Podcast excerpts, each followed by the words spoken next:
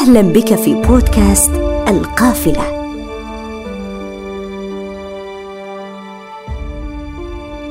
هل استمعت لقصيدة إلهامها من الخوارزميات وملقيها شاعر حاسوبي؟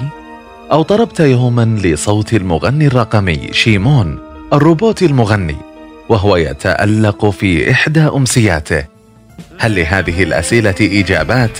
إن كان نعم فهل هي في الحاضر؟ أم المستقبل أم الخيال؟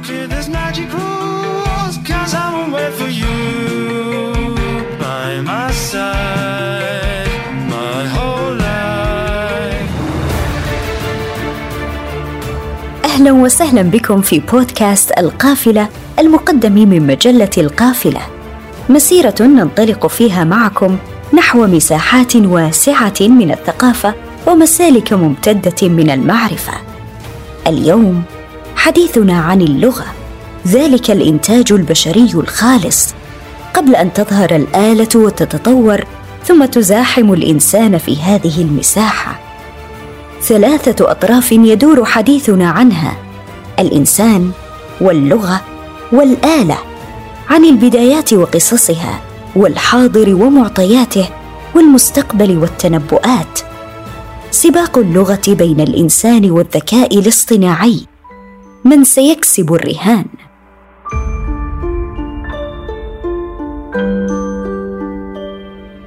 ظلت اللغة مبحثا يتسع لصنوف مختلفة من التخصصات والعلوم. فيتحدث علماء اللسانيات عن أكثر من خمسين ألف سنة كتاريخ لبداية العلاقة بين الإنسان واللغة. وهذا التاريخ يجعل لغات مثل الهيروغليفية والبابلية ولغة الفراعنة حديثة وقريبة عهد نسبيا. ويتناول علماء الحفريات والبيولوجيون نشأة اللغة من زاوية جينية. ويتحدث علماء الاجتماع والأنثروبولوجيا عن أن داعي النشأة الأساسي كان اجتماع الناس عندما فضل الأوائل خيار التعاون والعيش معا. فظهرت الحاجة إلى تطوير وسيلة للتواصل واستحداث الرموز والأدوات. وكما استوعب مفهوم اللغة جهود علماء الحفريات والبيولوجيون وعلماء الاجتماع كان للفلسفة نصيب من الحديث. حدثنا الدكتور بندر الغميز المتخصص في اللغويات التطبيقية عن طبيعة اللغة فلسفيا وفرص الآلة في اللحاق بالإنسان في هذا السباق. أظن أن لفلاسفة اللغة رأي آخر في مجال الآلة والإنسان. نعم الآلة تجاوزت كثيرا ما كنا نتصور. الآلة وصلت لدرجة من التواصل عالية جدا إلا أن ستيفن بينكر صاحب الغريزه اللغوية في كتابه المعروف والباحث في جامعة هارفارد وكذلك ستانفورد هو عالم نفس إدراكي. تكلم عن اللغة من جانب مختلف تماما فلسفي رائع. قام على أحد المسارح وتحدث إلى الروبوت. وقال له can you give me your hand الروبوت فك يده وأعطاها ستيفن. ضحك ستيفن أمام الجميع وقال هي التداولية. هي ما يميز الإنسان. الحيوان الناطق. الإنسان لا يفهم اللغة بمظهرها التواصلي وإنما ما يعنيه في السياق وهي نظرية السياق المعروفة التي أتت بها الفلسفة اللغوية وتحدث عنها الفلاسفة كثيرا. ثم إن الفكر والإنسان علاقة مختلفة تماما. لذلك هايدجر يقول أن اللغة بيت الوجود وقال أننا لا نفكر إلا عن طريق هذه اللغة. هل الآلة تفكر؟ هذا سؤال منطقي. لذلك داروين في كتابة تحدر الإنسان وقف مدهوشا أمام قدرة الإنسان على التواصل بطريقة ضمنية وكيف أن بني البشر يتفاهمون بين بعضهم ويفهمون الصفات الاعتبارية فمثلا لو قال الأستاذ لطلابه أن الأصوات في الخارج مزعجة جدا علينا أن نغلق الباب. سيفهم الطلاب أن على أحد منهم أن يقوم ويغلق الباب. لو قال طالب هذه الجملة تماما. يا دكتور أو يا أستاذ إن الأصوات في الخارج مزعجة. علينا أن نغلق الباب. اذا هو يقول للأستاذ هل تسمح لنا بأن نقوم ونغلق الباب؟ كلا الجملتين لم يكن مقصودها أبدا أن يقوم الأستاذ ويغلق الباب. لهذه الصفة الاعتبارية الموجودة ضمن هذا السياق الذي يفهمه الإنسان وفي ظني لا تفهمه الآلة ولن تفهمه الآلة.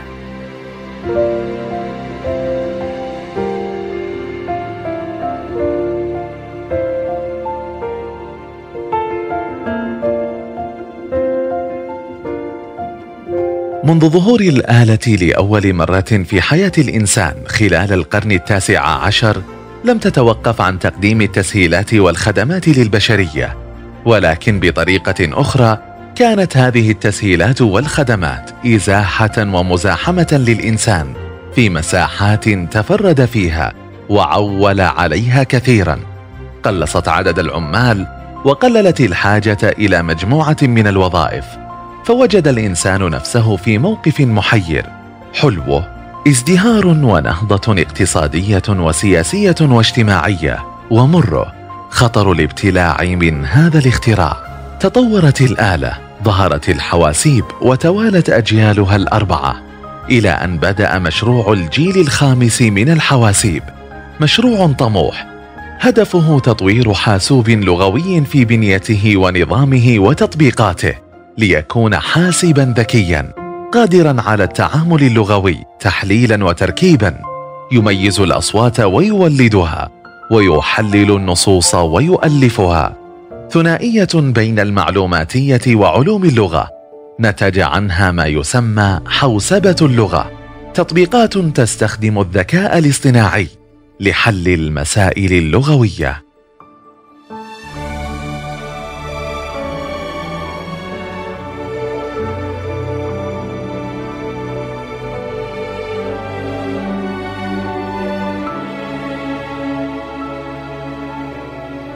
هنا دخلت الآلة أو الذكاء الاصطناعي بوصف أدق في ماراثون اللغة. هذا الدخول يمكن اعتباره تغولا بالغا على إحدى خصوصيات الإنسان اللغة. اللغة التي يصفها بعض المختصين بأنها الفكر. فتخيل شكل الحياة مع نظام أوجدته ليخدمك فشاركك التفكير. وباعتبار أن أفلام الخيال العلمي تحاول دوما أن تسبق الواقع بأشواط. فقد صدقت قراءات فيلم هير الصادر في شتاء عام 2013 عن ثيودور كاتب الرسائل وعاشق ألعاب الفيديو. وسمانثا المتفهمة والمثقفة والمدهشة. سمانثا بطلة الفيلم ليست إلا نظام تشغيل ذكي. جهاز يتفاعل ويتحدث ويشعر جهاز استطاع أن يكون علاقة إنسانية مقنعة لبطل الفيلم على الأقل فقط عبر الصوت واللغة Hello, I'm here. Hi. Hi, I'm Samantha. Good morning, Theodore. Good morning. You have a meeting in five minutes. You want to try getting out of bed? Hey, you're too funny. okay, good. I'm funny.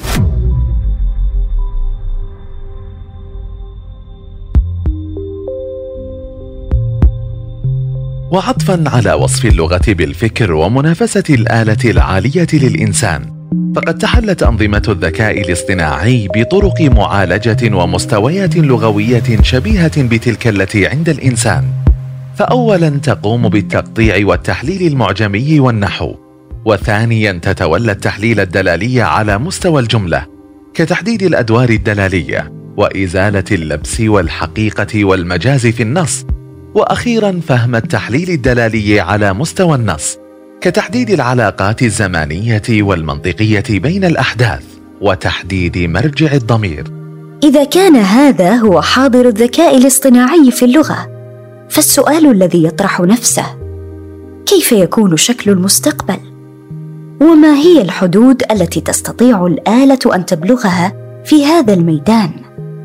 حول هذه الفكرة حدثنا الدكتور يحيى بن علي آل مريع المتخصص في اللسانيات الحاسوبية وتكنولوجيا اللغات الطبيعية عن قراءاته لهذا المستقبل وتنبؤات الأبحاث في هذا الشأن.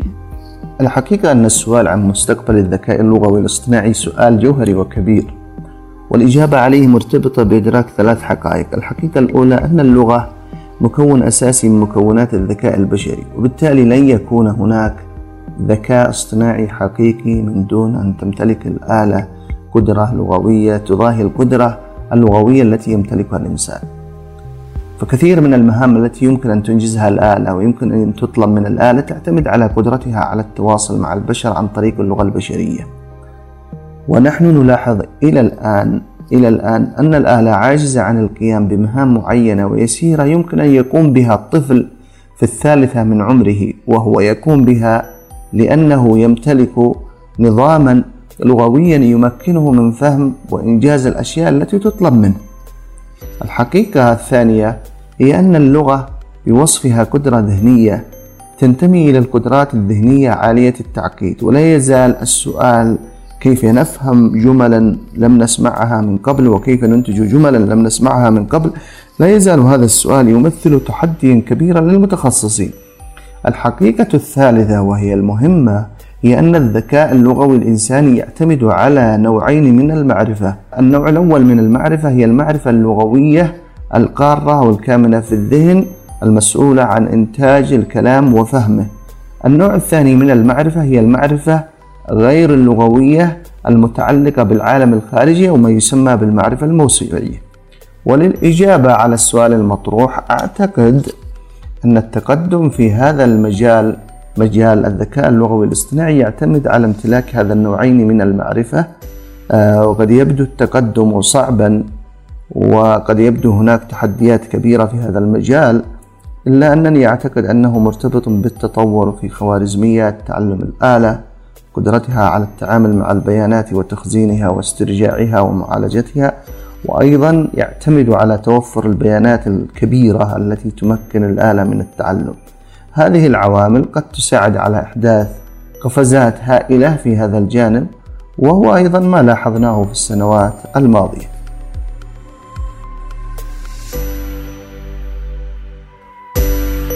في أكتوبر عام 2018 دق جرس مزاد كريستيز في نيويورك. تتابعت المعروضات الفنية وزايد الناس على الأسعار. ومن أبرز وأهم ما تم بيعه في ذلك اليوم لوحة الفنان إدموند دي بيلامي بمبلغ 432 ألف دولار. وكانت هذه أول لوحة فنية من إنتاج الذكاء الاصطناعي.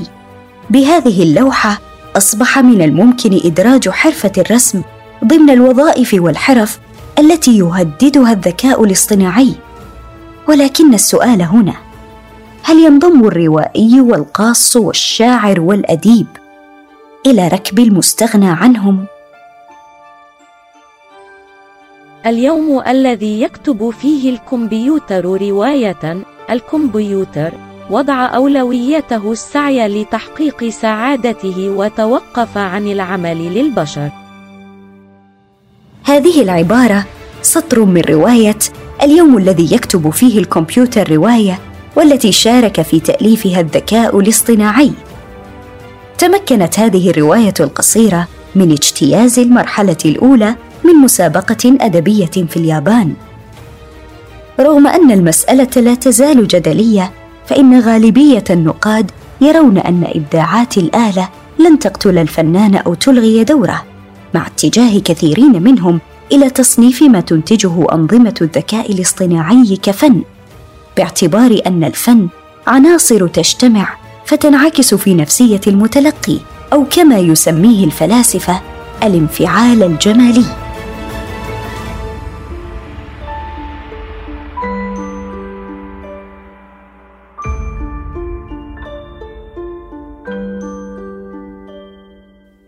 بعد هذا الركض والأنفاس المتعالية على مضمار المنافسة بين الإنسان والآلة ماذا عن خيار التعاون؟ إلى أي مدى يمكن أن يفلح تحالف الإنسان والذكاء الاصطناعي لغويا؟ بطبيعة الحال تشكل تطبيقات الذكاء الاصطناعي جزءا مقدرا من واقعنا وجزءا أكبر من المستقبل. فبينما تشير الدراسات إلى اختفاء الكثير من الوظائف المعروفة حاليا بسبب طفرات الذكاء الاصطناعي خلال عشر سنوات نحن بحاجة للاستثمار لغويا في هذه الأنظمة لنضمن طرق تواصل فعالة وعالية الكفاءة بين النسبة البشرية الباقية في الوظائف والذكاء الاصطناعي الوافد مستقبلا. أما في الحاضر فقد أسهم الذكاء الاصطناعي والتكنولوجيا في حياتنا كثيرا عن طريق اللغة. فأكثر من مليار شخص من مستخدمي آيفون في جميع أنحاء العالم. يخاطبون سيري يوميا ويطرحون أسئلتهم باستمرار وينتظرون الأجوبة بثقة. فضلا عن أكثر من مئة لغة تدعمها برمجيات ترجمة جوجل والتي باتت وسيلة مهمة وأساسية للحياة اليوم. في هذا المضمار الطويل ماذا عن ترتيب اللغة العربية؟ وما حقيقة حاضرها وملامح مستقبلها؟ كانت هذه تساؤلاتنا وهذه أجوبة الدكتورة هند الخليفة الباحثة في حوسبة اللغة العربية. للغة العربية فرصة ذهبية لمواكبة التطورات الحديثة في الذكاء الاصطناعي. كيف لا؟ وهي واحدة من أكثر اللغات انتشارا في عالمنا المعاصر حيث تأتي في المرتبة الرابعة من حيث عدد مستخدميها كما أنها واحدة من أكثر اللغات الطبيعية تناميا في العالم. ومؤخرا شهدنا كباحثين في هذا المجال ظهور جهود عديدة من قبل علماء وباحثين من مختلف أقطار العالم لبناء أدوات ومصادر لحوسبة اللغة العربية حيث ساعدت بعض خصائص اللغة العربية على تطوير أدوات فعالة لمعالجتها آليا وعبر عدة مستويات منها الصرفية والتراكيبية والدلالية. ولعل الطفرة الهائلة التي نشهدها اليوم في مجال الذكاء الاصطناعي والمتمثلة في بناء نماذج لغوية تخطط أحجامها حاجز 700 جيجا بايت تكون قادرة على فهم سياقات النصوص وتوليدها. فقد أشعلت هذه التطورات فتيل المنافسة في العالم العربي وأنتجت لنا نماذج لغوية عربية حققت نتائج مذهلة في مهام متنوعة مثل تحليل المشاعر وتحديد أسماء الكيانات والإجابة على الأسئلة باللغة العربية. إن ما يميز اللغة العربية عن بقية اللغات الحية وتحديدا عند توظيف الذكاء الاصطناعي لخدمتها هو أن اللغة العربية تمتلك نظاما صرفيا غنيا تمكنها من بناء تراكيب متنوعة كما أنها تتمتع بنظام كتابي خاص. يضاف إلى ذلك أننا حينما نعالج اللغة العربية آليا فإننا نتعامل مع ثلاثة أشكال لها وهي فصحى التراث والفصحى المعاصرة واللهجات العامية والتي تعتبر لغة بحد ذاتها. وهذه أمور تمثل إشكالات وتحديات ليست بالهينة وتتطلب مراعاتها عند توظيف اللغة العربية في التقنيات الحديثة. لذلك إذا أردنا الوصول إلى ما يسمى بالذكاء اللغوي الاصطناعي علينا أن نفهم جيدا مكنونات لغتنا ونطوع الآلة لخدمتها.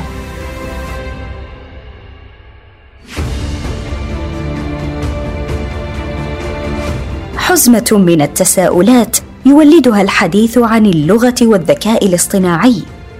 لو أتقنت الآلات اللغة هل ستمثل لها ما تمثله للإنسان من هوية وثقافة أم ستكون مجرد شفرات ورموز؟ إن حدث وتحدثت الآلات بطلاقة هل ستقصينا من المشهد وتتحاور مع بعضها؟ فيكون المتحدث حاسوبا والحضور من بني جنسه. ويبقى السؤال الأكبر هل سيتجاوزنا الذكاء الاصطناعي ويصنع لغته الخاصة؟ حقائب المستقبل مليئة بالإجابات.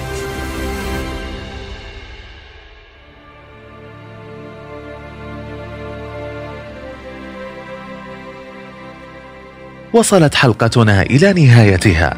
نسعد بمشاركتكم لها مع أصدقائكم ومعارفكم الذين اعتدتم مشاركة ما تحبون معهم. كما نسعد بتلقي تعليقاتكم وآرائكم على حساب المجلة بمنصة تويتر. ولنا لقاء جديد في شهر مقبل.